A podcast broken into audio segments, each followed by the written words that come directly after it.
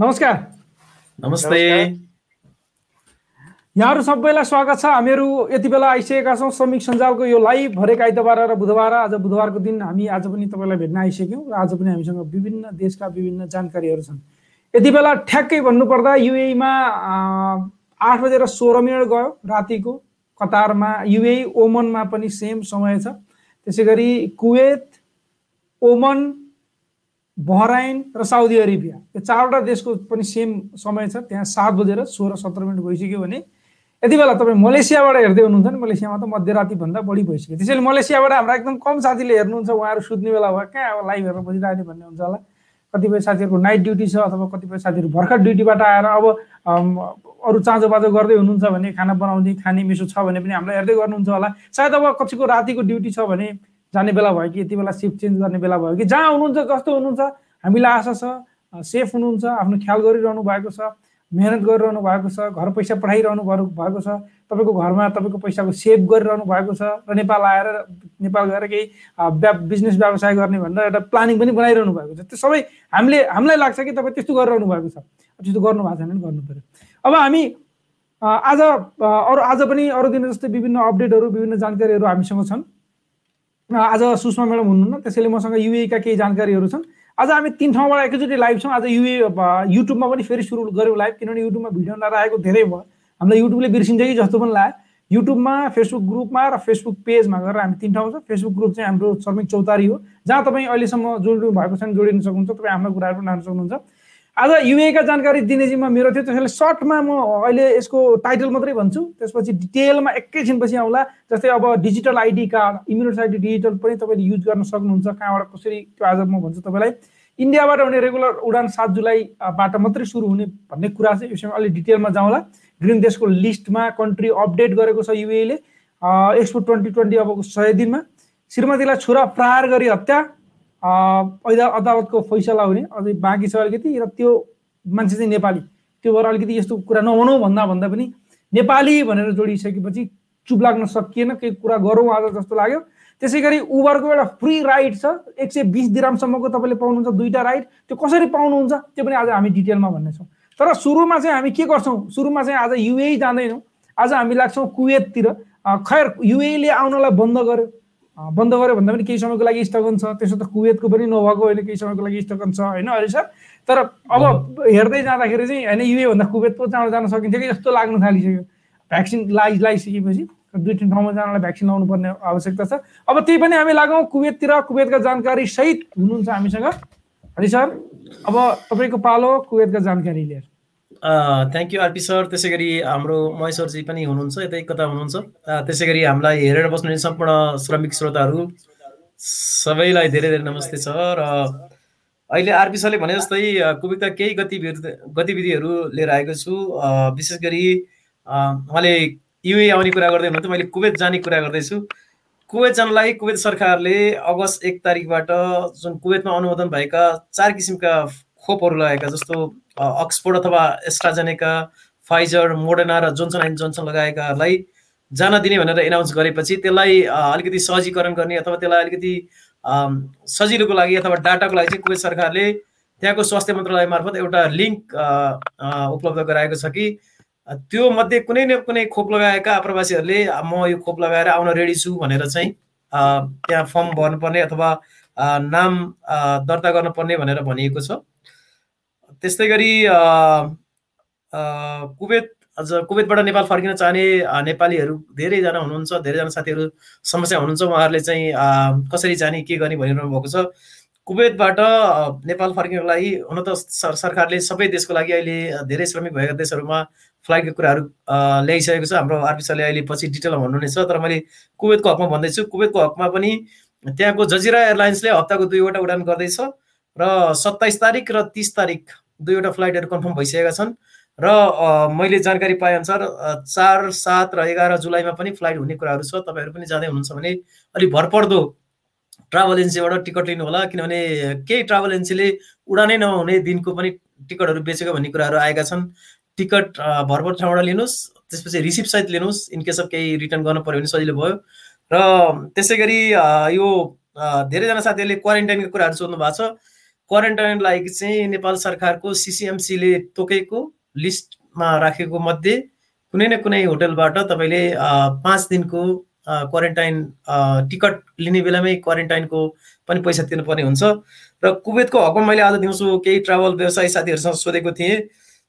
उहाँहरूले तिस केडीदेखि पचहत्तर केडी अथवा नेपाली रुपियाँ बाह्र हजारदेखि उन्तिस हजारसम्मको प्याकेजको व्यवस्था गर्नुभएको छ। तपाईँहरू पनि आउँदै हुनुहुन्छ भने त्यहाँको केही ट्राभल एजेन्सीहरू चलेका ट्राभल एजेन्सीहरू केही नेपाली साथीहरू हुनुहुन्छ तपाईँले सम्पर्क गर्न सक्नुहुन्छ।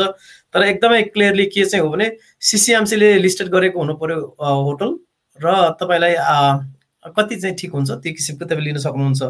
र तपाईँले होटलको यो क्वारेन्टाइन लिँदाखेरि क्वारेन्टाइनको लागि होटल बुकिङ लिँदाखेरि र टिकट लिँदाखेरि अलिकति भरपर्दो यो ट्राभल एजेन्सीबाट मात्रै लिनु होला किनभने केही नेपालीहरूलाई समस्या आएको कुरा आज दिउँसो हामीसँग आइपुगेका छन् होइन?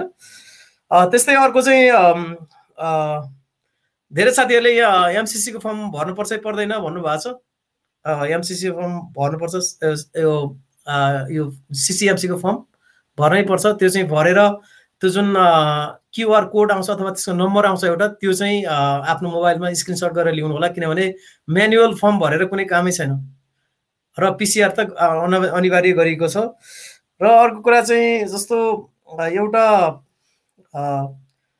कुवेतको एउटा यो अरब टाइमले एउटा एउटा रिपोर्ट निकालेको छ। विश्वमा कुन कुन सिटीमा धेरै महँगो छ कहाँ कुन कुन सिटीमा अलिक कम महँगो छ होइन सस्तो छ। यो आप्रवासीहरूको लागि चाहिँ भनेर चाहिँ एउटा रिपोर्ट निकालेको छ। त्यो रिपोर्ट अनुसार आप्रवासीहरूको लागि मध्यपूर्वमा चाहिँ सबभन्दा सस्तो सिटी भनेर दोहालाई भनिएको छ भने दोस्रो सस्तोमा कुवेत सिटीलाई भनिएको छ। त्यस्तै गरी दोहा चाहिँ एक सय तिसौँ नम्बरमा पर्छ विश्वमा भने कुवेत चाहिँ एक सय तेह्रौँ सस्तोमा पर्ने रहेछ। त्यसै गरी यो विश्वमा मध्यपूर्वमा चाहिँ अलिकति महँगो चाहिँ रियाद रहेछ सबभन्दा महँगो। त्यसपछि दोस्रो महँगोमा दुबई सिटी रहेछ। विश्वमा चाहिँ रियाद उन्तिसौँ नम्बरमा महँगो मध्येको उन्तिसौँ नम्बरमा पर्छ भने दुबई चाहिँ बयालिसौँ नम्बरमा पर्ने रहेछ। यो चाहिँ त्यहाँको एउटा रिपोर्टमा दिएको छ र विश्वको सबैभन्दा महँगो सिटी चाहिँ हङकङ र यो लेबनानको बैरुत भनेर भनिएको छ। यो चाहिँ मैले अरब टाइमबाट लिएको एउटा जानकारी हो। यो पनि केही नलेज हुन्छ साथीहरूलाई भनेर हो। त्यस्तै हुन त यहाँ अहिले हाम्रो आरपिसाले भनिहाल्नुभयो। कतिपय कुराहरू हामीले भन्न नचाहँदा नचाहँदै भनौँ भनौँ लाग्छ। यो त्यति रिलेटेड होइन तर पनि कुवेतमा घरमा काम गर्ने घरेलु कामदारले दुई हजार केडी बराबरको अथवा नेपाली सात लाख साठी हजार भनौँ न त्यति बराबरको सुनहरू चोरेर हिँडेको भनेर चाहिँ त्यहाँको ओनरले एउटा मुद्दा दायर गर्नुभएको छ। उहाँ चाहिँ फिलिपिनो नागरिक हुनु हुनुहुन्छ भनेर चाहिँ भनिएको छ। र पनि यो मैले किन सेयर गरेँ भने धेरै जस्तो घरबाट भाग्ने कामदारहरू विशेष गरी महिला घरेलु कामदारहरू अथवा घरेलु कामदारहरू गार्डेनरहरू ड्राइभरहरूलाई यस्तै अभियोगहरू लगाइन्छ। त्यस कारणले सकेसम्म तपाईँहरू नभाग्नु होला घरबाट अथवा त्यो समस्या पऱ्यो भने एम्बेसी अथवा आफ्नो ल्याउने एजेन्ट होइन? कसरी हुन्छ त्यसलाई सल्भ गर्नेतिर लाग्नु पऱ्यो तर भाग्दाखेरि चाहिँ अलिकति समस्या हुन्छ। अब यहाँ चाहिँ अब सात लाख असी हजार सात लाख साठी हजार बराबरको सुन चोरेर भागेको भनेको छ। उहाँलाई घर जाने बेलामा धेरै समस्या पर्न सक्छ। त्यो क्लियर फाइ नभइकन जान सक्नुहुन्न। धेरै समस्याहरू हुन्छ। मैले यहाँ त्यसको लागि पनि जानकारी गराएँ। त्यस्तै कुवेत सरकारले यो जुन उन्नाइससम्म चाहिँ एकतिस लाख जनसङ्ख्या जो चाहिँ कुवेतको जनसङ्ख्याको बहत्तर पोइन्ट चार प्रतिशत हो एकतिस एकतिस लाख जनसङ्ख्यालाई चाहिँ कोभिडको भ्याक्सिन लगाइसकेको भनेर चाहिँ एउटा रिपोर्ट आएको छ। र मे उन्नाइसदेखि जुन उन्नाइस एक महिना मात्रै पन्ध्र लाखलाई भ्याक्सिनेट गरिएको थियो भ्याक्सिन लगाइएको थियो। यसको मतलब चाहिँ पछिल्लो चरणमा धेरै भ्याक्सिनेसन सेन्टरहरू खोलिएको छ विशेष गरी जाबर ब्रिजमा पनि ठुलो भ्याक्सिनेसन सेन्टरहरू होइन? ठाउँ ठाउँमा भ्याक्सिनेसन सेन्टरहरू र धेरै कम्पनीका साथीहरू धेरै घरमा काम गर्नेहरूदेखि सबैलाई अलिकति फेसिलिटेट गरिएको छ। र डिसेम्बरसम्ममा सबैलाई शत प्रतिशत गराउने उहाँहरूको लक्ष्य छ। र हामीले भनिसकेका छौँ जस्तो सत्ताइस जुनबाट चाहिँ कुवेतमा भ्याक्सिन नलागेका आप्रवासी अथवा त्यहाँको नारीहरूले मलहरूमा सपिङ सेन्टरहरूमा होइन जिम हलहरूमा उहाँहरू जान पाउनुहुने छैन। त्यस कारणले भ्याक्सिनेसन अनिवार्य गरिएको छ। त्यस त्यति मात्र होइन तपाईँको सेप्टेम्बरको भन्दा पछि चाहिँ यदि कोभिड भ्याक्सिन लगाएको छैन भने तिनीहरूको भिसा पनि नवीकरण नगर्ने भनिएको छ। त्यस कारणले यो एकदमै अनिवार्य गराएको छ अथवा यो भ्याक्सिनेसनलाई एकदम व्यापक बनाइएको छ। त्यस्तै कुवेत आज पनि कुवेतमा आज पनि विश्वमै सबभन्दा धेरै तापक्रम मापन गरिएको छ। अरब टाइममा लेखिए अनुसार चाहिँ कुवेतमा जुन तेइस तारिक आजको दिन चाहिँ विश्वमा सबभन्दा धेरै त्रिपन्न पोइन्ट दुई डिग्री चाहिँ तापमान तापक्रमलाई मापन गरिएको छ। यो चाहिँ कुवेतको नोवासिप भन्ने ठाउँमा हो। र दोस्रो चाहिँ इरानमा छ तेस्रो फेरि कुवेतमै छ। त्यस कारण कुवेतमा एकदमै हटेस्ट प्लेस भनेर आएको छ। त्यसै गरी कुवेतमा केही दिनदेखि अलिकति सङ्क्रमण सङ्ख्याहरू बढिरहेको छ जस्तो एक हजारभन्दा तल हुन्थ्यो सात सय आठ सय नौ सय हुँदा हुँदै अहिले सोह्र सय सत्र सय अठार सय उन्नाइस सयसम्म पुगिरहेको छ दैनिक सङ्क्रमितहरूको दर। त्यसैले कुवेतमा अलिकति केही दिनदेखि यो सङ्क्रमितहरूको सङ्ख्या बढेपछि कुवेत सरकारले सबैलाई सचेत रहन अनुरोध गरेको छ र विशेष गरी काममा जाँदा आउँदा होइन कार्यस्थलमा त्यति मात्र होइन बाहिर बजारतिर जाँदा अथवा कतै जाँदाखेरि पनि अलिकति सचेता सचेतना अप्नाउन चाहिँ त्यहाँको सरकारले बारम्बार भनिरहेको छ र विशेष गरी मास्क चाहिँ लगाउनको लागि अनिवार्य गरिएको छ र मास्क नलागेको खण्डमा पचास केडी ठाउँको ठाउँ तपाईँलाई जरिवाना लाग्छ भनेर भनिएको छ। त्यस्तै यो सङ्क्रमितहरूको सङ्ख्या बढेपछि कुवेत सरकारको स्वास्थ्य मन्त्रालयले अर्को सूचना नभएसम्म एकदमै अत्यावश्यक र आकस्मिक बाहेकका अन्य बिरामीहरूको शल्यक्रिया नगर्न नगराउन सबै हस्पिटलहरूलाई सर्कुलर जारी गरिएको छ। यो चाहिँ त्यहाँको स्वास्थ्य मन्त्रालयले प्रेस रिलिज निकालेको छ यो एक्काइस तारिक निकालेको थियो।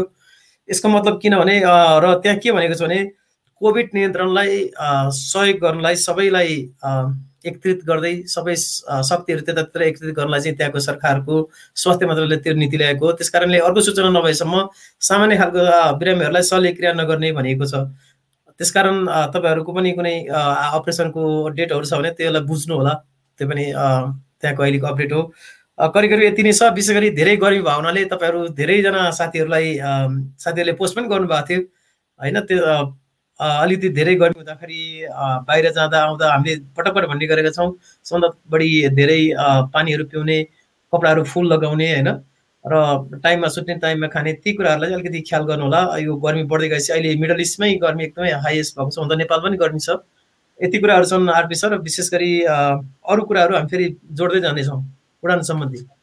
हुन्छ thank you sir thank you so much यति बेला तपाईँहरू हेर्दै हुनुहुन्छ श्रमिक सञ्जालको लाइभ जुन आइतबार र बुधबार आउने गर्छ यति नै बेला। तपाईँहरू के गर्दै हुनुहुन्छ कहाँ हुनुहुन्छ लेख्न सक्नुहुन्छ सुत्ने तर्खर गर्दै हुनुहुन्छ खाना खानुभयो खानु भएन त्यो पनि लेख्दा हुन्छ केही फरक पर्दैन। जस्ट तपाईँको कमेन्ट चाहियो हामीलाई ताकि तपाईँ पनि हामीसँगै हुनुहुन्छ भनेर एउटा कनेक्टेड फिल होस्। हामी युएका केही जानकारीहरू हामीसँग छन् केही भन्दा धेरै नै जानकारी छन् हामीसँग उडानसँग सम्बन्धित जानकारीहरू छन्। ती जानकारी के एकैछिनमा दिउँला त्योभन्दा पहिला हामी कुवेतबाट कतार जान अलिकति सजिलो छ क्यारे? होइन सर? कतारै जाउँ क्यारे पहिला? हुन्छ अनि कतार सबभन्दा सस्तो सिटी मिडल इस्टमा भन्ने सुन्न पाउँदा बडो खुसी पनि लाग्यो। त्यसो त रियाद सबैभन्दा महँगो सिटी भन्ने कुरा पनि सुन्नु पाइयो सुन्नु पर्यो। रिपोर्ट अनुसार होइन जेद्दा म बसेको ठाउँ लामो समय बसेँ अन्त पन्ध्र महिना बसेँ के लामो भन्ने त्यतिलाई। मान्छे पन्ध्र पन्ध्र बिस वर्ष एउटै सिटीमा बसेका हाम्रा साथीहरू पक्कै अहिले हेर्दै पनि हुनुहुन्छ होला कतिले त त्यो लामो त भन्नु मिलेन। त्यही पनि जद्दामा पनि जद्दा एउटा सस्तो सिटी हो तर रियाद चाहिँ महँगो रहेछ साउदी अरब भित्रै पनि। अहिले ठिकै छ हामी कतारतिर लागौँ यति बेला कतारका जानकारीहरू के छौँ त्यसपछि हामी युए फर्किनेछौँ। ए श्रमिक सञ्जालको यो दुई सय आठौँ अङ्कको लाइभ हेरेर बस्नुभएका सम्पूर्ण हाम्रा श्रमिक साथीहरूलाई स्वागत गर्न चाहन्छु। कतारमा अब काठमाडौँ दोहा दोहा काठमाडौँ चाहिँ हप्तामा चारवटा उडान भए हुने भएका छन्। स्वास्थ्य मापदण्ड पूर्ण पालना गरी चाहिँ यो फ्लाइटहरू सञ्चालन गर्नु भनेर मन्त्री परिषदले निर्णय गरेको छ। अब नेपाल वायु सेवा निगम र कतार एयरवेजले यसअघि हप्तामा एक एकवटा फ्लाइट गर्दै आएका थिए भने अब हप्तामा दुई दुईवटा फ्लाइट गर्नेछन्। त्यसै गरी सरकारले आन्तरिक उडान पनि खुल्ला गरेको छ। आन्तरिक उडानमा पचास प्रतिशतभन्दा बढी यात्रु नबढ्ने गरी सरकारले आन्तरिक उडान खुल्ला गरेको हो। अब सरकारले आन्तरिक उडान खुल्ला गरेसँगै Dubai Dammam Kuwait Muscat Malaysia Korea Japan चिनको जेन्तगु र ग्वान्जाको उडान चाहिँ खुल्ला भएको छ। भने अर्को को कतारमा अब ड्राइभ थ्रु सेन्टर चाहिँ बन्द हुने भएको छ। त्यो चाहिँ अब यो अहिले कतारमा चाहिँ विश्वकै ठुलो मध्येको एउटा खोप केन्द्र चाहिँ स्थापना भएको छ जहाँ एकैपटक एकै दिनमा चाहिँ पच्चिस हजारले चाहिँ खोप लगाउन सक्नेछन्। त्यहाँ तिन सयवटा खोप स्टेसन रहनेछन् भने त्यहाँ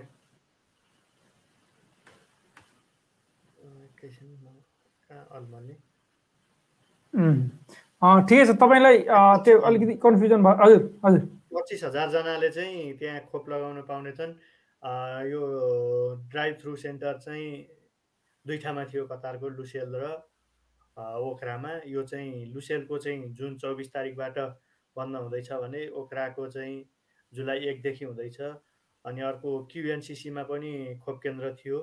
त्यो जुनको चाहिँ तिस तारिकबाट बन्द हुने भएको छ। गर्मीमा त्यहाँ चाहिँ काम गर्न एकदम असहज हुने भइसकेको हुनाले र नयाँ खोप केन्द्र पनि सञ्चालन भएको हुनाले चाहिँ यो खोप केन्द्र बन्द हुन लागेको छ। यी खोप केन्द्रहरूबाट चाहिँ नौ लाखभन्दा बढी व्यक्तिले कोरोना भाइरसको दोस्रो डोज खोप लगाएको भनेर त्यहाँको हमाद मेडिकल कर्पोरेसनबाट चाहिँ जानकारी आएको छ। भने अर्को चाहिँ अब तपाईँको त्यहाँ त्यो खोप केन्द्रबाट पच्चिस हजारले चाहिँ डोज खोप वितरण गरिने लक्ष्य राखिएको भनेर भनिएको छ। अहिले चाहिँ त्यहाँ चाहिँ पिएचसिसी भनेर भन्छ त्यो पब्लिक हेल्थ उसबाट। त्यहाँबाट चाहिँ सत्ति सत्ताइसवटा पिएचसिसीका केन्द्रबाट दैनिक पन्ध्र हजारजनाले चाहिँ दैनिक पन्ध्र हजार डोज खोप वितरण चाहिँ भइरहेको थियो भनेर भनिएको छ।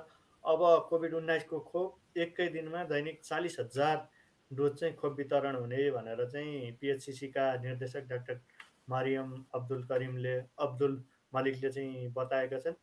यो अहिले खुलेको खोप केन्द्र जम तिन लाख वर्ग मिटरमा फैलिएको खोप केन्द्र हो। यहाँ तिन सयवटा खोप स्टेसनबाट सात सयजना कर्मचारीले एकै दिनमा चाहिँ सेवा दिने भनेर चाहिँ खबर आएको छ। अहिले कतारको चाहिँ यति नै छ। अपडेट केही बाँकी रहेछ भने फेरि हामी गर्दै गर्नेछौँ। यहाँ हामीलाई साथीहरूले केही क्वेसनहरू सोध्नुहुन्छ। ती क्वेसनका जि त उत्तरहरू तपाईँहरूसित छ भने कृपया हाम्रो कमेन्ट बक्समा लेखिदिनु होला। हाम्रो फेसबुक पेजलाई तपाईँले लाइक गर्नुभएको छैन भने लाइक गर्नुहोस्। हाम्रो श्रमिक हब श्रमिक चौतारी भनेर हाम्रो पेज छ त्यो पेजमा पनि तपाईँले चाहिँ केही गर्नुभएको त्यो ग्रुपमा तपाईँ हुनुहुन्न भने त्यो ग्रुपमा पनि जोइन हुनुहोस्। हाम्रो श्रमिक सञ्जालको इन्स्टाग्राम छ टिकटक छ त्यसपछि युट्युब छ। यी सबैमा तपाईँहरूले लाइक सब्सक्राइब सेयर गरिदिनुहोस् ताकि त्यहाँ हामीले दिने इन्फर्मेसनहरू र हामीलाई प्राप्त भएका इन्फर्मेसनहरू हामीले तपाईँहरूलाई चाहिँ सेयर गर्छौँ र त्यो इन्फर्मेसनहरू चाहिँ तपाईँले सजिलै पाउन सक्नुहुनेछ। धन्यवाद। हस् त sir thank you so much तपाईँलाई धेरै धेरै धन्यवाद छ कतारका जानकारीको लागि। तपाईँको साउन्ड आज पनि सानै भयो। अब बिचमा फ्याट्ट बोल्न अलिकति अप्ठ्यारो लाग्यो मलाई। एकजना साथीले कमेन्ट पनि लेख्नु भएको छ। अब अर्को हामी साथीहरूलाई के एकदम ग्यारेन्टी दिन चाहन्छौँ भने अर्को हप्ता अर्को दिनदेखि आइतबारदेखि तपाईँले उहाँको साउन्ड सही सुन्नुहुनेछ। त्यो चाहिँ तपाईँले ग्यारेन्टी नै दिएँ ल। जेसुकै होस्। अब अब अब चाहिँ हामी लाग्छौँ युबिआईका जानकारीतर्फ जानकारी भन्दा पनि केही कुराहरू केही नलेजहरू हुनसक्छन् केही इन्फर्मेसन हुनसक्छन् केही सल्लाह सुझाव पनि आउन सक्छन् उडानसँग सम्बन्धित जानकारी चाहिँ त्यो युएका कुराकानी सकेर हामी जानेछौँ। युएका चार पाँचवटा छन्। आज मेरो जिम्मा थियो आज म्याडम हुनुहुन्न आउनु भएको छैन उहाँ कार्यव्यस्तताले गर्दाखेरि आउन पाउनु भएन। त्यसैले त्यहाँको जानकारी दिने जिम्मा मेरो पर मेरो भागमा पऱ्यो भनौँ। तपाईँलाई सबभन्दा पहिला कहाँदेखि सुरु गरौँ भन्दाखेरि उबरदेखि सुरु गरौँ कि होइन नगरौँ। अब कहाँदेखि सुरु गरौँ भन्दा हेरि यहीँदेखि सुरु गरौँ। युएले फेरि ग्रिन लिस्टको सूचीमा ग्रिन लिस्ट ग्रिन कन्ट्रीको लिस्टलाई फेरि पब्लिस गरेको छ। योभन्दा पहिला तेह्र तारिकमा गरेको थियो फेरि तेइस तारिकमा गऱ्यो। पहिलाका तेइसवटा देशहरू थिए त्यो त्यो सहित गरेर अहिले एकतिसवटा देशहरू भयो। यो जो मान्छेहरू ग्रिन कन्ट्रीबाट आउँछन् ती मान्छेहरू क्वारेन्टिनमा बस्नु पर्दैन।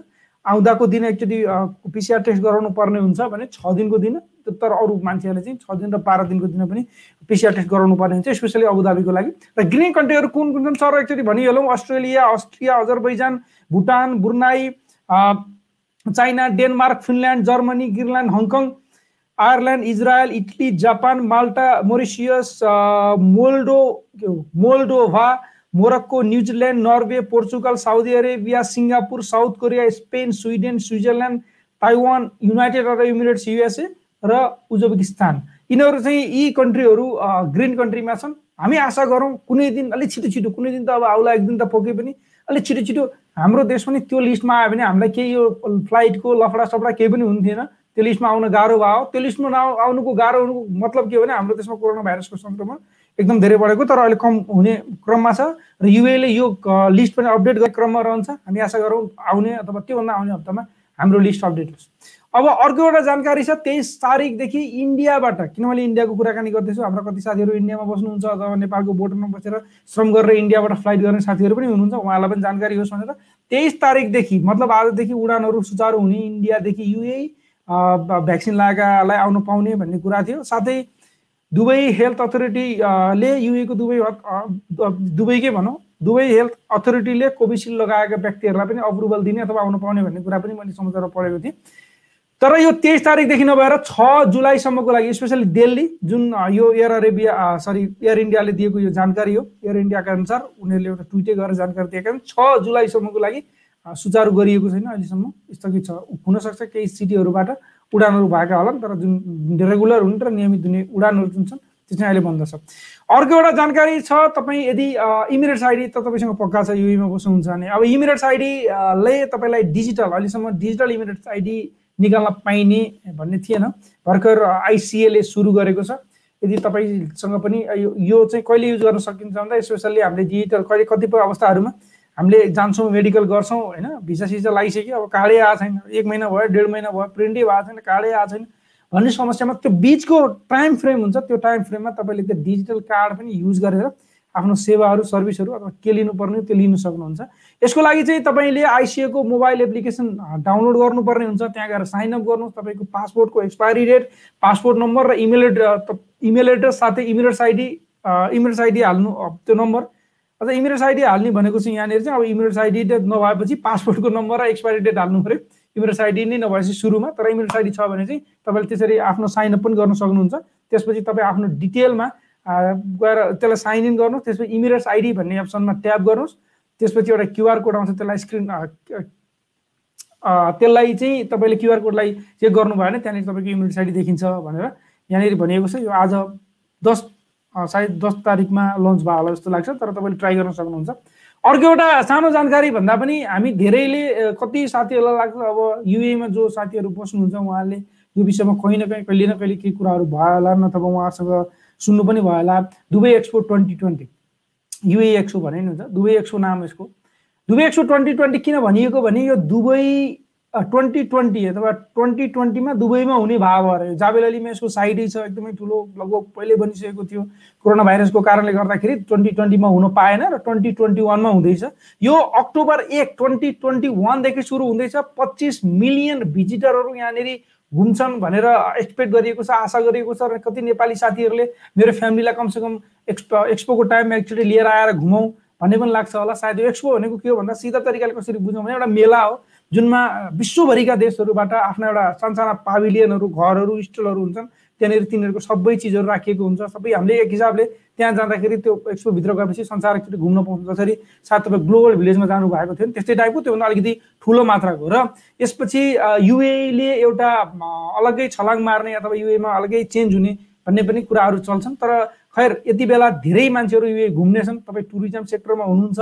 भनेदेखि चाहिँ तपाईँलाई राम्रो पनि हुन्छ। र अर्को के आशा पनि गर्न सकिन्छ भने अब युएले अहिले चाहिँ यसलाई एक्सपान्ड गरेन। तपाईँ हामी सायद युरोकप हेर्नुहुन्छ भने युरोपमा चालिस पचास हजार दर्शकहरू मास्क नलाइकन बसिरहेछन् भनेपछि तिनीहरूले भ्याक्सिन लाएरै बस्यो होला। अब बिस्तारै नर्मल हुन्छ समय।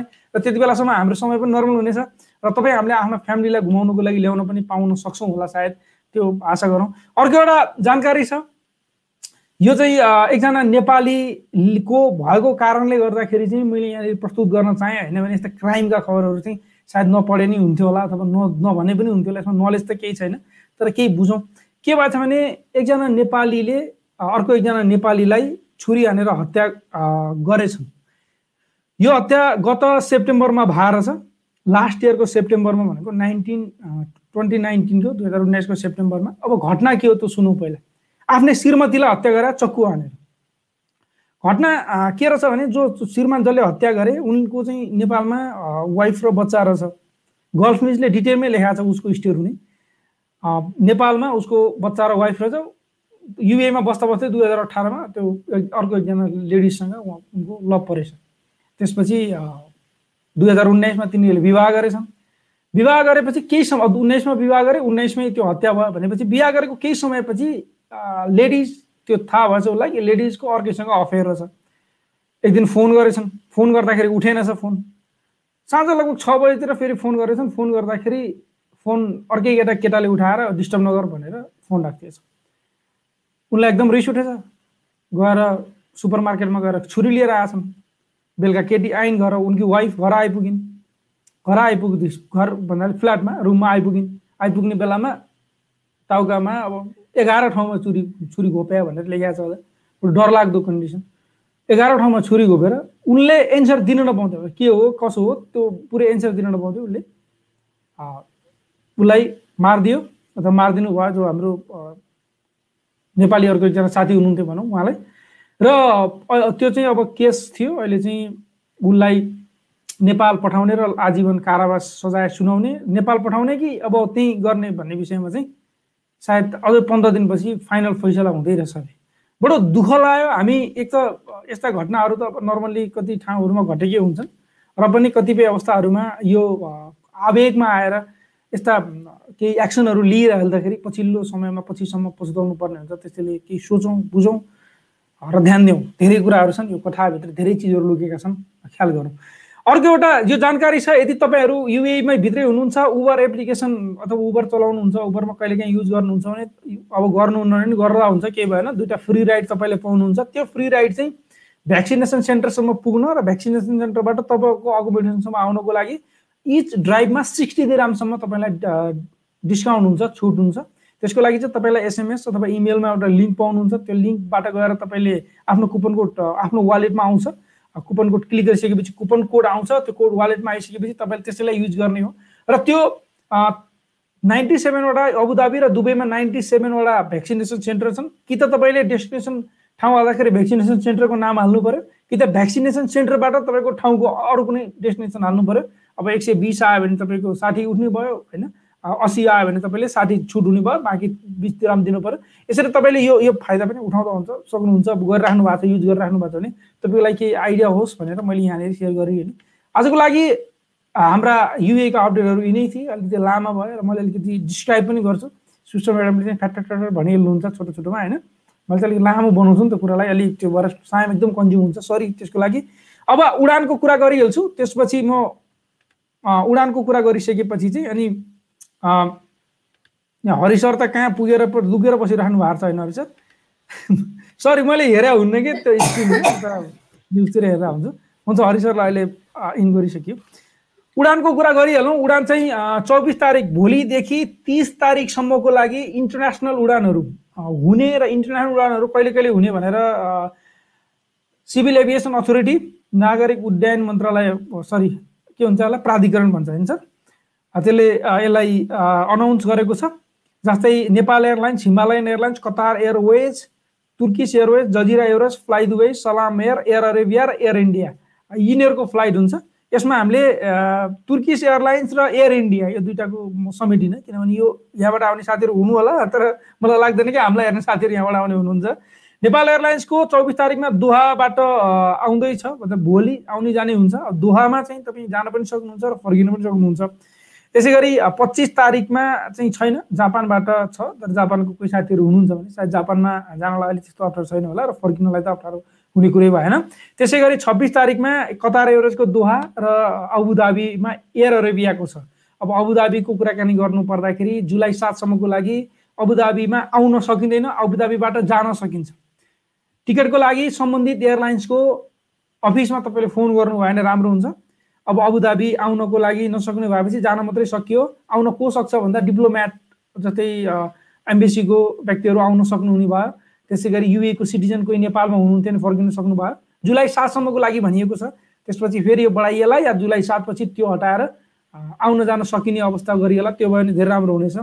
त्यसपछि सत्ताइसमा दोहामा एउटा फ्लाइट छ नेपाल एयरलाइन्सको। दुबई र कोलालम्पुरमा हिमालयन एयरलाइन्सको एउटा फ्लाइट छ कतार एयरवेजको एउटा फ्लाइट छ दोहामा। त्यसै गरी जजिरा एयरवेजको कुवेतमा छ सायद हरिसाले भने पनि सक्नुभयो है।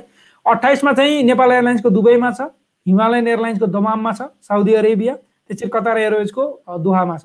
त्यसै गरी उन्तिसमा नेपाल एयरलाइन्सको दोहा साउदीमा पनि जान सकिन्छ है। साउदीमा पनि जान आउन दुइटै गर्न सकिन्छ। अहिले रेस्ट्रिक्सन लागेको कन्ट्री भनेको कुवेत त्यहाँ पनि भ्याक्सिन लगाएपछि अगस्त एक तारिकदेखि मात्रै हो अहिले होइन। जान आउनु पाइने। त्यसै गरी तपाईँको फ्लाइ दुबई र सलामेयरको ओमनबाट सलामेयरको एउटा फ्लाइट छ। फ्लाइ दुबईको दुबईबाट छ। यो चाहिँ उन्तिस तारिकको कुरा हो। तिस तारिकको कुराकानी गर्ने भने तपाईँ नेपाल एयरलाइन्सको तिस तारिकको दुबईबाट छ एउटा। त्यसै गरी हिमालयन एयरलाइन्सको दममबाट छ। कतार एयरवेजको दुबईबाट दोहाबाट भयो। त्यसै गरी जजिरा एयरवेजको कुवेतबाट छ। अब यो डिटेलमा हामीले हाम्रो पेजमा पनि पोस्ट गरेका छौँ। तपाईँले पेजमा गएर हेर्नुभयो भने यहाँ भन्दाखेरि याद नहोला बिर्सिएला कहिले उनियो कहाँ हो के हो बिर्सु नपाइएला अब कति भनियो होइन तर तपाईँको ठ्याक्कै कहाँबाट आउने भनेर थाहा पाउनुको लागि चाहिँ तपाईँले हाम्रो पेजमा गएर एकचोटि हेर्नुभयो भने थाहा पाउनु हुनेछ। त्यसैले हाम्रो पेजमा हामीले पेस्ट गरेका छौँ गएर हेर्नु होला। र टिकटको लागि सधैँभरि सरले सेयर गर्दै हुनुहुन्थ्यो। टिकटको लागि त्यहाँ म फोन गरेर ल मलाई यसो पैसा पाइदिनुहोस् टिकट म मिलाइदिन्छु भन्नेसँग टिकट लिने होइन। तपाईँलाई कोही मान्छे आयो ल म टिकट मिलाइदिन्छु टेन्सन नमान्नुहोस् भन्ने मान्छे पैसा लिने होइन। तपाईँ यतिसम्म कि ट्राभलहरूसँग पनि लिँदाखेरि ट्राभलको एउटा डकुमेन्ट जुन एउटा अथोरिटी हुन्छ भन्नाले तपाईँले पैसा तिरेको भन्ने। र त्यो डेट हेरेर डेट यहाँ हेर्नु पऱ्यो फेरि त्यो सेड्युल अनुसार हुनु पऱ्यो। छब्बिस तारिकको छ होइन सत्ताइस तारिकको बनाइदिएर त्यस्तो हुनु भएन। र त्योभन्दा पहिला तपाईँले एकचोटि एयरलाइन्ससँग कन्फर्म गर्नु होला हरेक एयरलाइन्सको नम्बर गुगल गऱ्यो भने भेटिहालिन्छ र हरेक एयरलाइन्सका आफ्ना कल सेन्टरहरू पनि छन्। साथै तपाईँको आसपासमा पनि हुनसक्छ। अब चाहिँ हामी कमेन्टतिर लाग्छौँ। जो जो साथीहरूले हेराउनु भएको छ थ्याङ्क यू सो मच तपाईँहरू कहाँबाट हेर्दै हुनुहुन्छ लेख्नु होला तपाईँले कमेन्ट गर्दाखेरि हामीलाई खुसी लाग्छ। हामी आशा गर्छौँ तपाईँको सबै कमेन्ट समेट्नेछौँ र सकेनौँ भने पनि जति सक्छौँ त्यति समेट्छौँ। एकतिस मिनट भयो नि यसले अब थोरै पन्ध्र बिस मिनट हामी बस्छौँ। तपाईँको कमेन्टहरू हेर्छौँ अब हामी चाहिँ।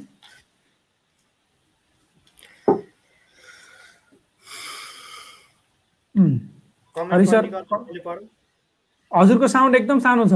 हजुरले दुबई कतारको क्वेसन आयो भने मात्रै एन्सर आज हरि सरको है हुन्छ ल ठिक छ। श्याम कान्छो सरले हामीलाई लेख्नु भएको छ आरपी आरपी सर नेपालदेखि दुबई फ्लाइट कहिले चालु हुन्छ? प्लिज जानकारी पाउन जरुरी पनि छ भनेर लेख्नु भएको छ उहाँले।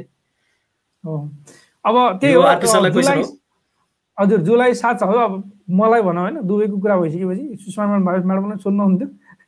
जुलाई सातसम्मको लागि त छैन चार्टर फ्लाइटहरू त्यो पनि युएले के छ भने नेपालबाट जस्तै युएले इन्डियाबाट आउनलाई बन्द गरेको थियो।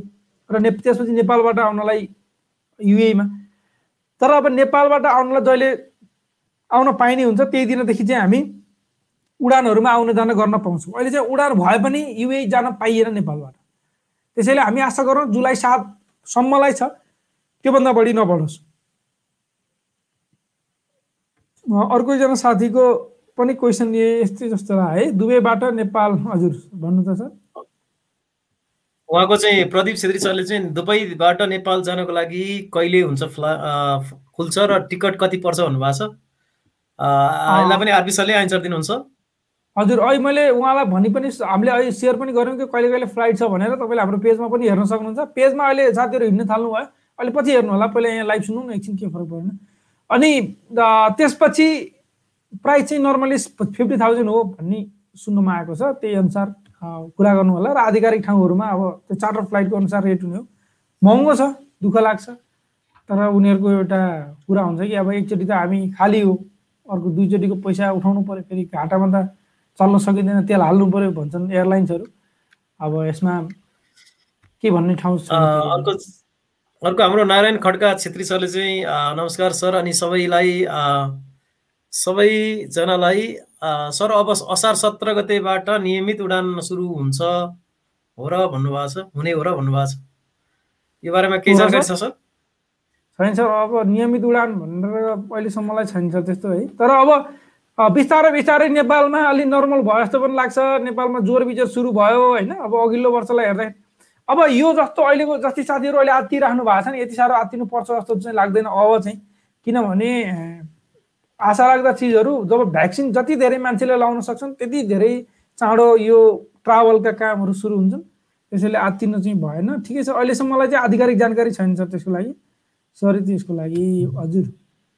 उहाँको पनि सायद त्यही कोही क्वेसन थियो जस्तो लाग्यो उहाँको साथी हुनुहुन्थ्यो साउदी अरेबियाको होइन? दममबाट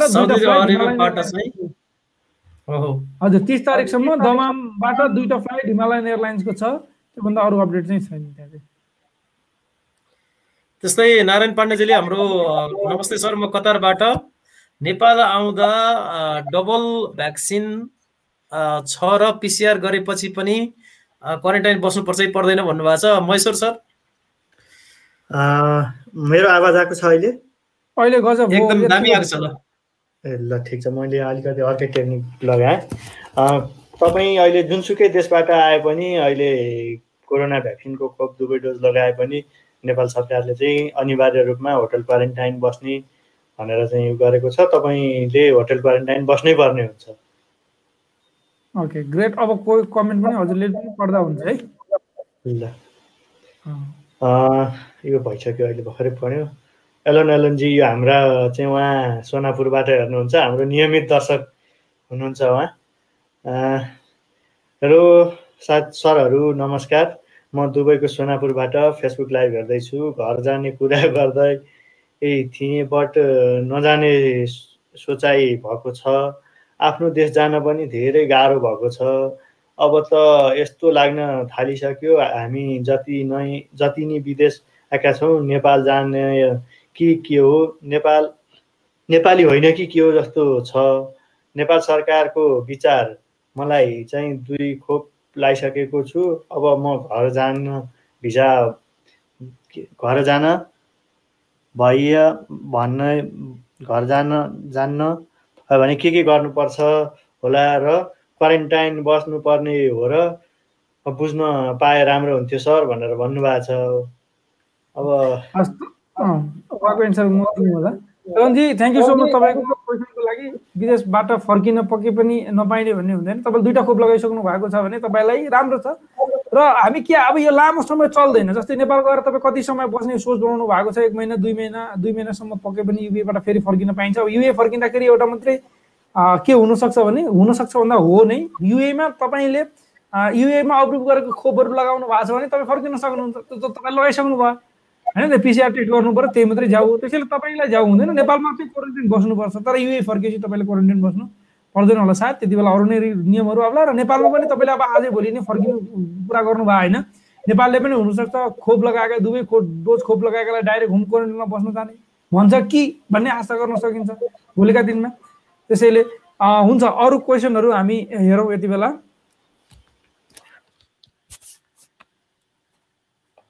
बहराइनबाट युए हुँदै जाने उडान खोलेको छ कि नै भनेर सोध्नु भएको छ साथीहरूले। बहराइनबाट युए हुँदै युए ट्रान्जिट बनाएर नेपाल फर्किनको लागि।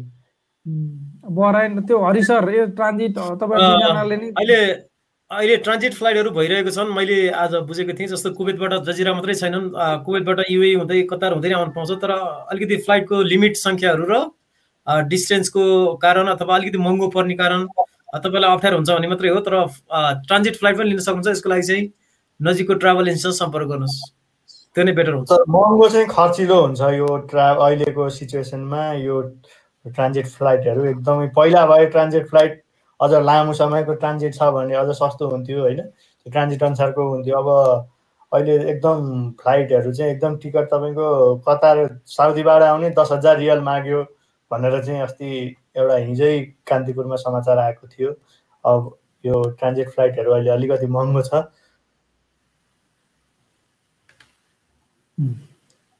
नमस्कार सबैलाई। सर म नेपालदेखि हेर्दैछु। म दुबईदेखि छुट्टीमा आएको। म भ्याक्सिन लगाएको छैन अब जान पाउँछु कि पाउँदिनँ भनेर भन्नुभएको छ। तपाईँको जस्तै विशाल पाण्डेको जस्तै समस्याहरू धेरैजना साथीहरूको समस्या अहिले आएको छ। आज पनि उज्यालो अनलाइनले एउटा रिपोर्टै लेखेको थियो। मैले हिजो मात्रै यो विषयमा कुरा गरेको थिएँ कि? ए कान्तिपुरका एकजना पत्रकारसँग यो कोभिडको खोप अब विभिन्न देशहरूले चाहिँ एउटा यो अस्ति हामीले पनि कुरा गरेका थियौँ सिन्डिकेट जस्तै हुने भयो भनेर। अब धेरै साथीहरू नेपाल आउनु भएको छ। नेपालमा उपलब्ध खोपहरू अब ती देशहरूलेमा छैन त्यहाँ ती देशमा लगाइएका खोपहरू हाम्रो नेपालमा छैन। यसले गर्दा पाण्डे जस्ता धेरै श्रमिक साथीहरू अहिले अन्यलग्रस्तमा हुनुहुन्छ। आरपी सर के छ तपाईँको? अब तपाईँ मैले उहाँलाई चाहिँ के भन्न चाहन्छु भने विशालजी केही समय तपाईँ वेट गर्नुहोस्। चाइनाबाट भ्याक्सिन आउँदैछ सिनोफार्म। सिनोफार्मलाई युएले अप्रुभ गरेको छ। अब तपाईँले के गर्नु पर्यो भने तपाईँको नजिकको स्वास्थ्य केन्द्र अथवा तपाईँको गाउँपालिका कार्यालय जहाँनिर तपाईँलाई पाएको पर्छ अथवा जहाँनिर तपाईँको खोप लगाउने केन्द्र छ त्यहाँनिर गएर तपाईँले आफ्नो नाम टिपाउने फर्म भर्ने के के गर्ने हो त्यहाँ गर्नु होला ताकि तपाईँ जानकारी दिनुहोस्। खोप खोप आउने बित्तिकै पहिलोचोटि मैले पाउनु पऱ्यो भनेर त्यसको सत् बिस दिन तिस दिनपछि फेरि अर्को खोप लगाउन पाउनुहुन्छ। यसको मतलब तपाईँले दुईवटा डोज लगाएपछि फेरि सायद त्यसको चौध दिनपछि मतलब दुई महिना हाराहारीमा राख्नु होला समय होइन? बरु कम्पनीसँग कुराकानी गर्ने हो कि के गर्ने हुँदा तर तपाईँ जस्तै युएको लागि चाहिँ सिनोफार्म भ्याक्सिन अप्रुभ छ र सिरोफार्म सिनोफार्म भ्याक्सिनको दस लाख डोज इन्डिया के अरे आउँदैछ चाइनाबाट। र जति पनि साथीहरू हुनुहुन्छ जो साथीहरूलाई युए फर्किनु पर्ने छ उहाँहरूले आफ्नो नजिकैको वडा कार्यालय अथवा तपाईँको जनप्रतिनिधि तपाईँ आता जो जो हुनुहुन्छ उहाँहरूलाई जानकारी दिनु पऱ्यो कि म चाहिँ फर्किनु छ युए मलाई चाहिँ एकदम मेन्डेटरी हो मलाई चाहिँ नभइ नहुने पर्सन पऱ्यो नि त म त। किनभने म त ट्राभल गर्दैछु मलाई नगइ हुँदैन। भनेदेखि तपाईँ जसरी प्राथमिकतामै पर्नुहुन्छ तपाईँलाई लगाउन दिनुहुन्छ उहाँले पक्कै पनि त्यो हुन्छ। र कोही साथीहरू हुनुहुन्छ जसले कोभिसिल्ड लगाइसक्नु भएको थियो पहिले भनेदेखि यस्तो जनेका पनि आउने भन्ने कुरा छ अरे। त्यो पनि आउँछ होला सायद अथवा कोभिसिल्डको अरू डोजहरू पनि बिस्तारै होला। नात्यो मैलेलाई। तर अहिले जस्ट नाउ तत्काल भोलि नै के छ सल्युसन भन्दा वेट एन्ड सी भन्छ नि पर्ख र हेर। पर्ख हेर तर चाहिँ अवेर भाउ भन्ने जस्तो यताउता जानकारी देऊ। म जाँदैछु। मलाई यस्तो छ। आउने खोप आउने बित्तिकै म बाठा खाइसक्नु यो चाहिँ हुनु पऱ्यो फेरि। चुप्लाएर घर बस्ने होइन खोप लासी भनौँला भन्ने पनि होइन। भनिरहनु पऱ्यो। नभए सोधिराख्ने जाने। सर खोप फोन गर्ने। स्वास्थ्य मन्त्रालयमा स्वास्थ्य मन्त्रालयको नम्बर सर खोपा म उहाँ दुवै जानुपर्ने। खोइ खोपै लाउनु पाइएन भन्ने फोन गर्ने। गरिराख्ने धेरै साथीले गर्नुभयो भने यसलाई पनि प्राथमिकता आधारमा राखिन्छ। विदेश जानुपर्नेहरूलाई खोप लगाइने छ भनिन्छ। होइन हरि सर? वृद्ध वृद्धहरूलाई अग्रपन्थीमा काम गर्नेहरूलाई भने जस्तो विदेश जानुपर्नेहरूलाई विदेशबाट छुट्टीमा आएकाहरूलाई पनि भन्नु पर्यो नि त। होइन अब यो चाहिँ कस्तो भने तपाईँ हामीले नै आवाज उठाउनुपर्छ अनि त्यसपछि अहिले स्थानीय निकायलाई अलिकति जिम्मेवारी दिएको हुनाले तपाईँहरूले ओडा कार्यालयमा गएर आफ्नो वडा अध्यक्षहरूलाई अथवा प्रतिनिधिहरूलाई कुरा गरेर निवेदन दिएर आफ्नो पासपोर्ट देखाएर होइन म चाहिँ जानुपर्छ मलाई एउटा चाहिँ के अरे सिफारिस लेख्दै भन्नु पर्यो सिडिओ कार्यालय जानु पर्यो अथवा निकायमा जानु पर्यो त्यो पनि पक्कै पनि मिल्छ पक्कै पनि। किनकि तपाईँहरू फ्रन्ट लाइनर तपाईँ हामी श्रमिकहरू फ्रन्ट लाइनर भन्दा नि फ्रन्ट लाइनर हौ। फ्रन्ट लाइनर भन्दा नि फ्रन्ट फ्रन्ट लाइनर हौ हामीहरू। पक्कै मिल्छ। एकदमै। याद अधिकारीजीले कतारबाट चाहिँ हुनुहुँदो रहेछ पहिला उहाँ। पहिलादेखिकै एपिसोड हेरिराखेको छु अहिलेसम्म भनेर भन्नुभएको छ। उहाँ अहिले काठमाडौँमा हुनुहुँदो रहेछ। तपाईँहरूकै हौसलाले चाहिँ हामीलाई अहिलेसम्म चाहिँ ऊर्जा मिलिरहेको छ। आगामी दिनहरूमा नि माया गरिदिनु होला। दिल्ली प्रसाद सापकोटाजीले लेख्नु भएको छ नमस्ते सरहरू म युएबाट नेपाल आएको दुई महिना पन्ध्र दिन जति भयो। मेरो यही जुन एघारको काठमाडौँ टु सार्जाको रिटर्न टिकट पनि थियो त्यो त क्यान्सल भइसक्यो तर मैले टिकटको पैसा लिएको छैन। त्यही टिकटमा जाने कुरा भएको छ ट्राभलसँग र मैले यता आउनु अगाडि मैले एक डोज मात्र भ्याक्सिन लगाएको थिएँ तिन महिना भइसक्यो र अब मैले यहाँ दुईवटै डोज लगाउनु पर्ला कि एउटा मात्र लगाउँदा होला अनि नेपालमा कहाँ छ कि छैन भ्याक्सिन लगाउने ठाउँ। अब म वापस युए नगए नहुना नहुने हुनाले के कसो गर्नु पर्ला भनेर चाहिँ सोध्नु भएको छ। अहिले चाहिँ उहाँको लागि जस्तै म तपाईँको ठाउँमा भयो भने मैले के गर्छु भनेदेखि दुई महिना पन्ध्र दिन भयो। अझै केही समय बाँकी छ झ्याप एक्सपायर हुँदैन कम्पनीसँग कुरा गर्दै गर्ने। तिन महिना क्रस भइसकेपछि सायद अर्को अब तपाईँले कुन भ्याक्सिन लगाउनु भयो युएमा त्यो पनि फरक पर्छ। तपाईँले मानव फाइजर लगाउनु भयो अथवा अरू कुनै भ्याक्सिन लगाउनु भएको थियो भने त नेपालमा अर्को भ्याक्सिन त्योसँग मिल्दोजुल्दो छैन तर तपाईँले सिनोफार्म लगाउनु भएको थियो भने सायद तपाईँ चाहिँ डक्टरसँग सल्लाह गर्न सक्नुहुन्छ कुराकानी गर्न सक्नुहुन्छ। तिन महिनाभित्र लगाउनुपर्छ भन्ने छ अरे सिनोफार्मको तर त्यो तिन महिना क्रस भइसक्यो भने त्यो लगाएको फेरि तपाईँले दुई डोज नै लाउनु पर्ने हुनसक्छ। त्यो कारणले गर्दाखेरि चाहिँ तपाईँले त्यो खोप कहाँ लाउने भन्ने तपाईँको वडा कार्यालय नजिकैको स्वास्थ्य चौकी त्यहाँनिर जहाँ तपाईँ बसोबास गर्नुहुन्छ त्यहाँ जानकारी लिनु होला र त्यहाँबाट कुराकानी गरिराख्नु होला तपाईँसँग अझै केही समय लगभग सा चार महिना जति छ जुन युएमा छ महिनामा अटोमेटिक एक्सपायर हुने अथवा त्यो हुन्छ तर तपाईँको अझै टाइम छ कम्पनीसँग कुरा गर्दै गरेर यताले भ्याक्सिन आएपछि लाउनु पनि सक्नुहुन्छ। तिन महिना क्रस नभएको खण्डमा हुनसक्छ कि तपाईँले एउटा मात्रै डोज लायो हुन्छ? होइन भने क्रस भइसकेको छ भने हुनसक्छ तपाईँले दुई डोज लाउनुपर्छ। यदि सिनोफार्म दुबईमा युएमा लाउनु भएको थियो है त्यो त्यो गरेर तपाईँ नातिकन अलिकति यसरी हामीले अलिकति आइडिया लगाएर गर्नु होला हुन्छ तपाईँ फर्किन पाउनुहुन्छ। हामी आशा गरौँ तपाईँ यस्ता हाम्रो धेरै साथीहरू श्रमिक साथीहरू फर्किन पाउनुहोस्। कतिको ग्रेजुएटी छ कतिको स्यालेरी लिन बाँकी छ कतिको जब छ लामो समयदेखि होइन जबै छ मेन कुरो। अझै धेरै कुराहरू छ। अब यहाँ शब्दमा यसरी भन्न मात्रै सकिँदैन यस्ता चिजहरू। कोरोना पोजिटिभले कति दिनसम्म जान मिल्दैन भनेर साधुराम चौलाजीले चाहिँ सोध्नु भएको छ। अर्को धेरै नेगेटिभ नआउने बेलासम्म। सजिलो छ महेश होइन, फेरि पन्थीले भन्छ, यस्तो छ है फेरि। नेपाल नेपालमा क्वारेन्टिनमा आएर बसिरहेको बेलामा आएको हो भने नेगेटिभ अलग्गै कुरा हुनसक्छ त्यो पनि पोजिटिभ अथवा नेगेटिभ हुने बेलासम्म त बस्नु पऱ्यो होइन त्यही हो त्यही हो महेश पन्थीजीले नमस्कार sir I'm watching from Malaysia भनेर भन्नुभएको छ धन्यवाद सर मलेसियाबाट यति राति मध्यरातमा पनि तपाईँ उठेर हाम्रो लाइभ हेर्दै हुनुहुन्छ हो हो, म मध्यरातै छ त्यहाँ रुद्रमणि नेउपानेले छुट्टी गएको नेपालबाट फर्किने कहिलेबाट सुरु हुने हो सर? छुट भनेर भन्नुभएको छ। अब अहिले नाति बसौँ अब अँ नआत्तिकन बसौँ श्रम श्रम गरौँ त्यो बाँकी छ होइन? अरू के के छ? अब त्यो समय साथीभाइहरूलाई भेट्ने होइन? समय छ अथवा घर परिवारसँग अलिक धेरै समय बिताउने मौका मिलेको छ भनौँ। खुसी हौँ घर परिवारसँग समय बिताउँ फर्किने टाइम आउँछ पक्कै पनि। नारायण सरिता कुमार भनेर लेख्नु भएको छ। नमस्कार सबैजनालाई। नेपालमा डोमेस्टिक फ्लाइट फर्स्ट जुलाईबाट खुलेको न्युज सही हो कि होइन? होला प्लिज क्लियर पारिदिनु होला। थ्याङ्क यू भन्नुभएको छ। डोमेस्टिक फ्लाइटहरू अब डोमेस्टिक फ्लाइटको बारेमा अलिकति भनिदिनुहोस् आरपी सर। आज मन्त्री परिषदले बैठकबाट निर्णय यो डोमेस्टिक फ्लाइटलाई पनि अ, स्थानहरू हेरेर त्यसलाई अ, आन्तरिक फ्लाइटहरूलाई चाहिँ अ, कोटा सिस्टममा फिफ्टी पर्सेन्ट पहिलाको अकुपेसन अकुपाइड हुने तरिकाले पचास प्रतिशत अकुपाइड हुने तरिकाले चलाउने भनिएको छ। डेट चाहिँ ठ्याक्कै यो डेट चाहिँ भनेको छैन र यो चाहिँ सबै नेपाल नागरिक उद्यान प्राधिकरणलाई जिम्मा दिएको भनेर आजको भर्खरको मैले त्यहाँ हेरेको थिएँ अपडेट त्यहाँ भनिएको छ। त्यस कारण नागरिक उद्यान प्राधिकरण भनेर मैले अघि कान्तिपुर समाचारमा असार सत्र गतेबाट खुल्ने भनेर चाहिँ समाचार सुनेको थिएँ। तर नागरिक प्राधिकरणले अहिलेसम्म त्यो सेड्युल निकालेको छैन। मैले हेरेको थिएँ वेबसाइटमा। नेपाल सरकारले उसलाई जिम्मा दिएको छ। इन्टरनेसनलको निकाल्यो नेसनलको निकालेको छैन है। हरिकुमारजीले लेख्नु भएको छ हेलो सर म कतारबाट है मेरो उन्तिस तारिकको फ्लाइट छ तर सिसिएमसीको अनलाइन फारम भर्ने भन्छन् तर एचटिटिपी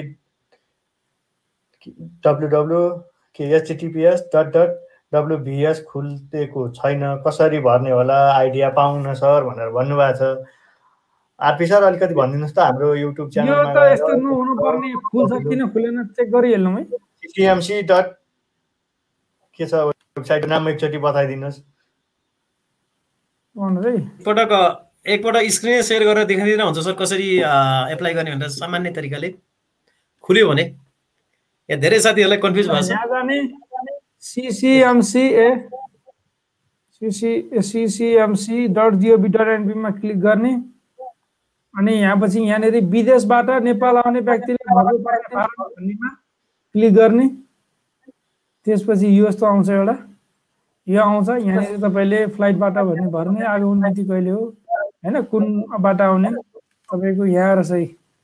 कोभिड लकडाउन पश्चात आगमन सङ्ख्या भनेर चाहिँ यहाँ। First time second time. ए लकडाउन भइसकेपछि तपाईँ कतिचोटि आउने जाने गर्नुभयो भनेर छ। दसचोटिसम्म पनि कोही आउने जाने गरे होला भनेर राख्यो होला। नाम लेख्ने। डिटेल्स छ सबै चिजहरू होइन? यात्राको विवरणहरू लेख्ने। क्वारेन्टाइन चाहिँ अब होटल छान्नुहोस्। कुन चाहिँ होटलमा बस्ने होटलको नाम चाहिँ यहाँनिर। तपाईँ त्यो टिकट काट्ने बेलामा हुन्छ त्यो होइन? कहाँनिर बस्ने हो तपाईँ? त्यसपछि स्वास्थ्यको विवरणहरू यहाँ छ। अब छैन छैन होला सबै। यो सबै कहिले आएको योबाट यहाँ टिक लाउने यहाँ सुरक्षित गर्ने। बस सकियो। खलास CCMC dot gov dot NP अनि यहाँ करेक्सन सपोर्ट भन्ने पनि छ फेरि। कसैलाई चाहिँ केही करेक्सन गर्नु पर्यो भने नाम थर लेख्ने नागरिकता नम्बर लेख्ने पासवर्ड नम्बर लेख्ने इमेल लेख्ने मोबाइल नम्बर लेख्ने अनि सच्याउनु पर्ने के सच्याउनु पर्ने यहाँ लेख्ने। बारकोड प्रिन्ट नभएमा टिक लगाउने भनेको यहाँ छ। बारकोड प्रिन्ट भएको छैन भने यहाँ टिक लगाएर यहाँ गरेपछि उहाँले फेरि बारकोड पनि एउटा दिनुहुन्छ। यहाँ यो पनि क्लिक गर्नु पर्यो। मैले झुटो चाहिँ बनाएँ भने होइन है केही पनि भनेर। त्यही नै हो सिसिएमसीको कुरो। चाहिँ कुरो चाहिँ यहाँ सबैले भर्नुपर्छ यो। पहिलेदेखि हो, सुरुदेखि हो। यसैबाट एकदम अनिवार्य छ। होइन विशेष गरी एउटा कुरा सिसिएमसीले के कुरा राम्रो गरेको रहेछ अथवा सजिलो अथवा हामीले जान्न पर्ने कुरा चाहिँ के भने जस्तो हामीलाई प्लेनमा आउँदाखेरि पनि त्यो एउटा फर्म दिन्छ सिसिएमको सिसिएमसीको फर्म जुन प्लेनमा पनि भर्नु भने त्यसको कुनै पनि भ्यालिड छैन त्यो नभर्दा नि हुन्छ। तर तपाईँलाई के चाहिँ चाहिन्छ भने सिसिएमसी फर्म पहिले भरेर अनलाइनबाट भरेर त्यो बार कोड अथवा त्यहाँ एउटा नम्बर आउँछ। त्यो नम्बर चाहिँ उहाँहरूलाई रेजिस्टर गर्नुपर्ने रहेछ। त्यो नम्बर भएन भने तपाईँले दुई घन्टा मिनिमम बस्नुपर्ने हुन्छ एयरपोर्टमा किनकि तपाईँले त्यहाँको कम्प्युटरमा गएर उनीहरूले नै भरिदिन्छन् सबै कुरा हुनु पर्यो। त्यस कारण त्यो चाहिँ क्लियर गरेर बारकोड चाहिँ फोटो हो। हुन्छ सर आजलाई यति नै गरौँ होला। पचास मिनट भइसक्यो। एकजना साथी कुवेतबाट छुट्टी आउनु भएको छ हरि सरलाई। सौरभ भट्टराईजी हुनुहुन्छ। सर नमस्ते। सर म कुवेतबाट छुट्टीमा आएको। कहिलेबाट ओपन हुन्छ सर? सर कुवेत फर्किनुको लागि के गर्नुपर्छ सर भनेर सोध्नु भएको छ। हरि सर। सौरभजी जस्तो हाम्रो सौरभजी जस्तो करिब करिब एक हजार भन्दा बढी साथीहरू हुनुहुन्छ अहिले फर्किन पर्ने अवस्थामा रहेकाहरू। हामीले भनिरहेका छौँ कुवेतले एप्रुभ गरेका चारवटा खोप लगाएकाहरूलाई अगस्त एक तारिकभन्दा जान दिने पछि जान दिने भनिएको छ अहिलेसम्मको लागि। तर त्यो सबै चारवटै खोप चाहिँ नेपालमा एभाइलेबल छैन तर अहिले आरपी सरले भनिसक्नुभयो कोभिसिल्ड आउने सम्भावना छ। आयो भने त्यो कोभिसिल्ड र अस्ट्राजेनेका एउटै भन्ने कुरा नै आएको छ। यी कुराहरू बिस्तारै भेरिफाई हुँदै जान्छ होला केही समय वेट गर्नु पर्यो। खोप पाइयो भने चाहिँ कोभिसिल्ड चाहिँ लगाइहाल्ने होइन त आरपी सर? हो अँ, कोभिड यस्तो सर आइडिया मैले यसो सोच्दाखेरि आइडिया छ दुइटा अब तपाईँ कुवेत फर्किँदै हुनुहुन्छ भने कोभिसिल्ड एस्ट्रोजेनेका जे त्यो त्यतितिर फोकस गर्ने। युए फर्किँदै अँ। हुनुहुन्छ भने सिनोफार्म फोकस गर्ने सिनोफार्म कोभिसिल्ड पनि हुन्छ अप्रुभ चाहिँ दिने भनेको छ होइन तर पनि त्यो गर्ने त्यो गऱ्यो भने सजिलो हुन्छ हस् अब तपाईँ हामीले अस्ति अघिल्लो हप्ता हजुर अर्को एकजना साथी थापा दिपेन्द्र भनेर मलेसियाबाट हुनुहुन्छ सर म मलेसियाबाट हेर्दैछु मलेसियाको बारेमा चाहिँ खोप लगाएको छैन अरे मलेसियामा उहाँले नेपाल जाँदा क्वारेन्टाइन बस्नुपर्छ भन्नुभएको छ दिपेन्द्र सर तपाईँ नेपाल आउँदाखेरि क्वारेन्टाइन अनिवार्य रूपमा बस्नुपर्छ खोप लगाए पनि नलगाए पनि अहिलेसम्मको निर्णय अनुसार अनिवार्य। होटल क्वारेन्टाइन छ तर म- फर्किने विचार हो भने कोही पनि। साथीहरू छुट्टी आउँदै हुनुहुन्छ नि एउटा सल्लाह है मैले चाहिँ कोही पनि। साथीहरू छुट्टी आउँदै हुनुहुन्छ भने बरु एक महिना ढिलो होस् होइन अठाइस दिनको डिफ्रेन्टमा दुइटा खोप पाइन्छ खोप लाएर। आउनु होला यही। एउटा सबभन्दा टप यो यो एउटा यो करोड रुपियाँको सजेसन हो अरब अरबको सजेसन दिनुभयो हरि सरले अहिले। यो अरबको सजेसनलाई मान्नु होला। ए अरब भन्दाखेरि फेरि मलेसियाका साथीहरू करोड भन्नुहुँदैछ भने मिलियन मिलियन बिलियनको यो सल्लाह हो। किन भन्दाखेरि भोलि तपाईँ नेपाल गएर आउँछु। नेपालमा लाउँला भन्नु होला। नेपालमा खोपै नपाइएला। एउटा टेन्सन। अर्को टेन्सन नेपालमा पाइएको खोप। म बसेको देशमा काम नगर्ला। अर्को टेन्सन। मै बसेको देशले अप्रुभ गरेको दुइटै खोप लगाएर जान्छु आउँछु के छ र भन्ने भन्दा त्यो सबभन्दा बेटर हुन्छ। है त्यो एउटा आइडिया लाउँ। आजलाई यति नै गरौँ होला। साथीहरू तपाईँहरू जहाँ हुनुहुन्छ जसो हुनुहुन्छ आफ्नो ख्याल राख्नु होला आफ्नोको ख्याल राख्नु होला आफ्नो केयर गर्नु होला नमस्कार। हस् नमस्ते।